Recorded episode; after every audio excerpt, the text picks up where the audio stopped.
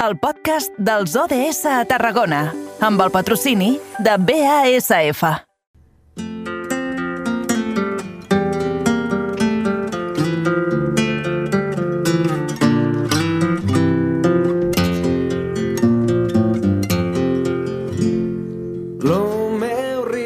Moment ara, tal com els dèiem, d'encarar els ODS, Objectius de Desenvolupament Sostenible que ens marquen les Nacions Unides per tal d'assolir abans del 2030. Com sempre, en aquesta hora, connectem amb els estudis de la nova ràdio de Reus. Allí tenim el nostre company Aleix Pérez. Aleix, bona tarda, bon dimecres.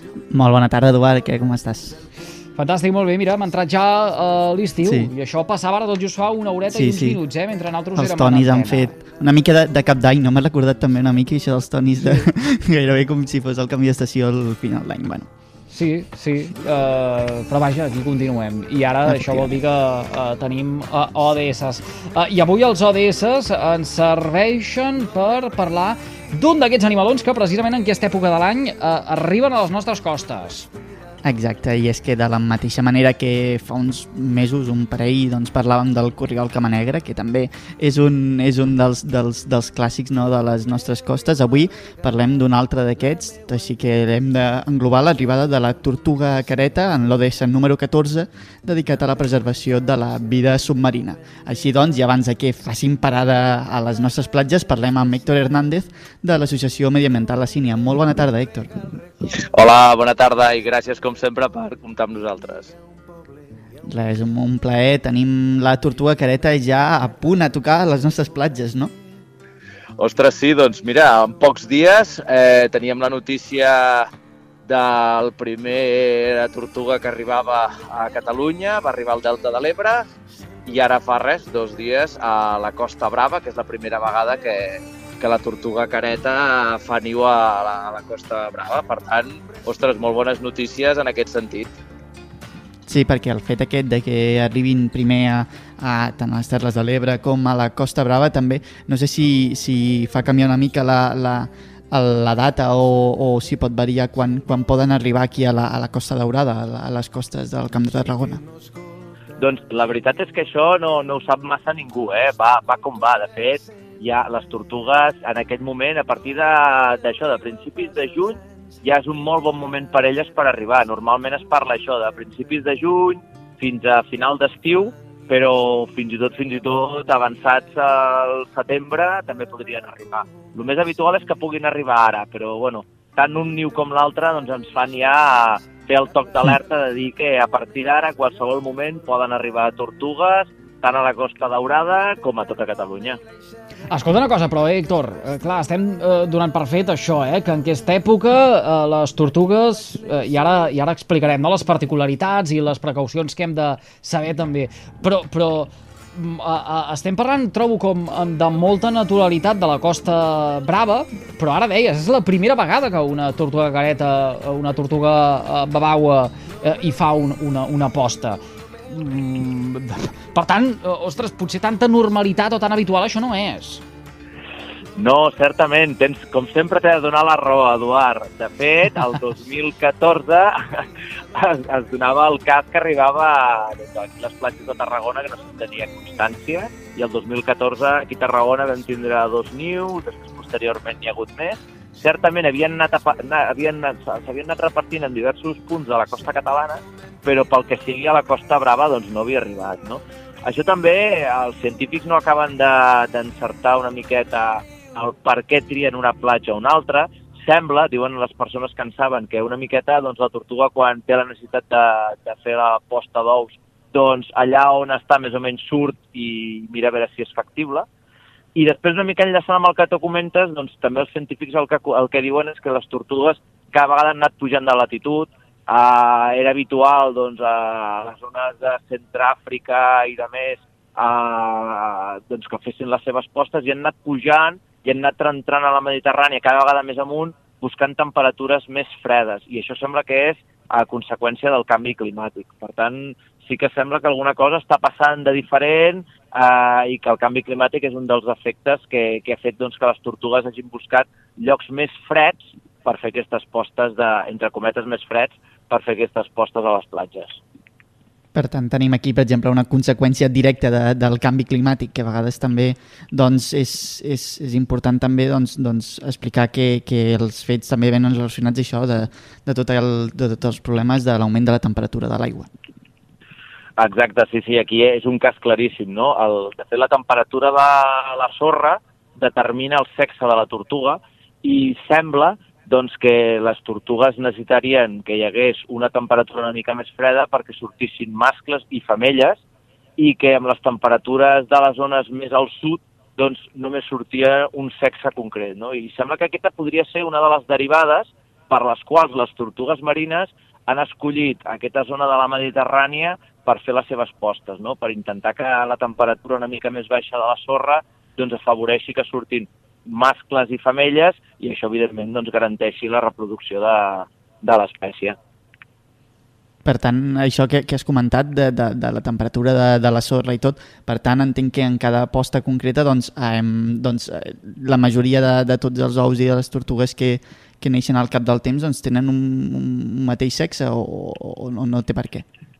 No té per què. De fet, el, uh, és molt curiós. La tortuga, de fet, les tortugues marines, com diu el seu nom, viuen a mar i només les femelles, a partir d'una certa edat, segurament 25-30 anys, ja és, una, és un bon moment en el qual eh, poden reproduir-se, surten a la platja, normalment ho fan a la nit, a la matinada, quan no hi ha sol, quan hi ha humitat, i llavors surten a la sorra de la, de la platja, pugen uns quants metres platja en amunt i llavors doncs, el que fa la femella és amb les potes de, de darrere, fa un forat i posa els ous. Eh, poden ser postes que poden arribar, doncs aquesta de l'altre dia a la Costa Brava crec que comentaven que hi havia uns 130 ous. I llavors els dipositen eh, fent un forat i per tant que el gradient de temperatura de la platja és diferent dels ous que hi ha sota dels ous que hi ha més amunt. I això mm. ja afavoreix que pugui haver en una mateixa posta eh, els dos sexes, tant mascles com femelles. Molt interessant i també comentaves això de, dels 20-30 anys. Quants anys viuen les, les, tortugues, les tortugues marines? Doncs mira, perquè ens fem una idea d'aquest niu que hem comentat, d'aquest 130, doncs tampoc no està molt clar, però es deia que necessitaven uns centenars, de, que nasquessin uns centenars de tortugues perquè només una pogués arribar això als 25 o 30 anys i pogués ser fèrtil i poder-se reproduir i poden viure doncs, uns, quants, uns quants anys més. Uh, aquí segurament la qüestió és això, és que tot el màxim d'aquests ous possibles doncs, puguin arribar a, a, a mar, o sigui, puguin ser tortuguetes perquè una, una de, unes quantes doncs, pugui arribar altra vegada a la platja i pugui, eh, pugui reproduir-se. També és interessant, i va lligat amb el que tu deies del canvi climàtic, que les tortugues marines, pel que sembla, eh, tenen molta relació amb el lloc on neixen. I, de fet, una tortuga allà on neix sembla que després, amb els anys, tornaria a nidificar en aquell espai, no? I, en canvi, ara amb el tema del canvi climàtic han perdut una miqueta aquesta...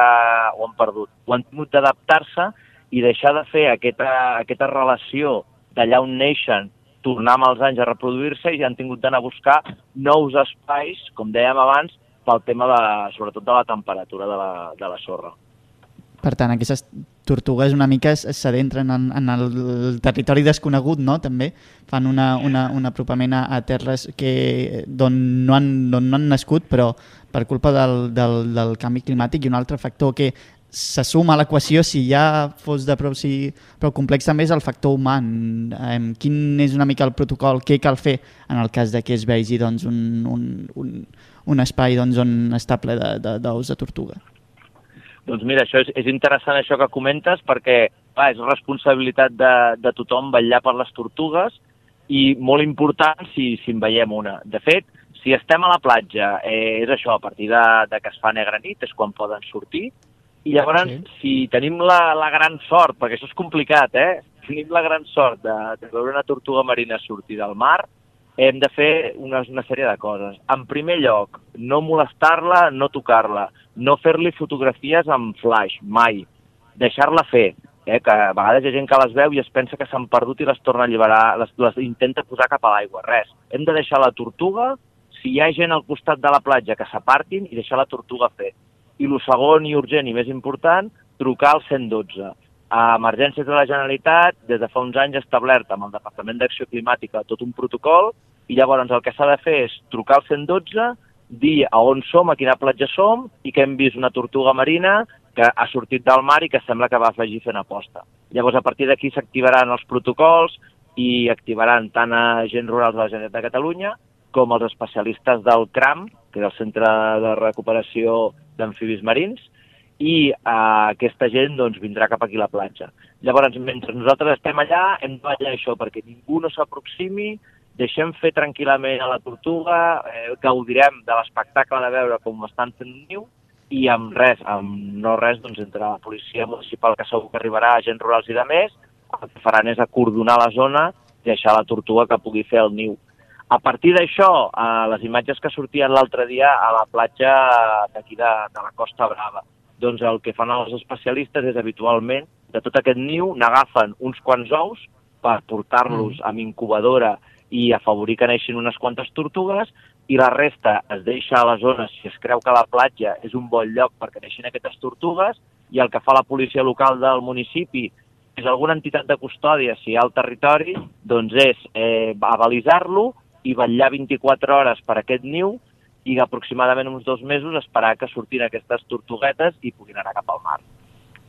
Molt important, no passar-se de lleis, no emprenyar les tortugues. Eh, recordo l'any passat, ho vam haver d'explicar no sé quantes vegades aquí, eh? que una mateixa tortuga va intentar fer el niu a la costa ah, daurada i la posta, eh, i sempre hi havia algun emprenyador allí tocant els pebrots, eh, eh, i fent fotos i, i tocant la tortuga. Recordo que vam parlar de la, de la Pineda, no sé si fins i tot eh, després sí. a, a, a Cambrils, i al final on va acabar. En tot cas, si us plau, seny, sentit comú, i ho hem dit moltes vegades, no ens cansarem tampoc de fer pedagogia, jo crec que eh, cal tenir ben presents avui les paraules que, que ens ha, que ens ha uh, dit l'Héctor. Per cert, Héctor, eh, uh, abans no marxis, una última pregunta. Una última pregunta. Recordo que l'any passat també en aquestes dates van arribar a la nostra costa diverses tortugues eh, mortes, fins i tot algunes d'elles han eh, avançat a estat de descomposició.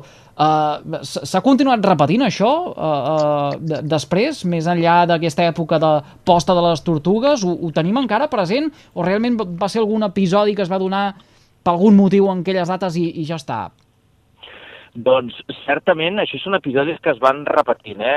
Aquest any algun cas hi ha hagut. Aquí a Tamarit fa no massa setmanes es va recollir una, una tortuga. Per tant, són episodis recurrents. La fauna marina doncs, bueno, també es mora, també té accidents a vegades amb algun vaixell o alguna cosa que, que topa amb ells i, per tant, trobar-se'n. Certament l'any passat va ser una miqueta estrany perquè van aparèixer diversos casos però els científics no van arribar a cap conclusió. Amb alguna se li va poder fer la necròpsia, però no van arribar a cap cas allò que hagués hagut alguna d'intoxicació o així, però no, això es va descartar. Eh, no ho sé, a veure, aquest any esperem que no en surtin tantes com l'any passat i per tant que, que les que surtin surtin sanes i facin moltes coses a les nostres platges. Héctor Hernández, coordinador de l'Associació Mediambiental La Sínia. Gràcies un dia més per fer-nos confiança i acceptar la invitació del carrer Major. Que vagi molt bé, bona tarda. Vinga, bona tarda, moltes gràcies.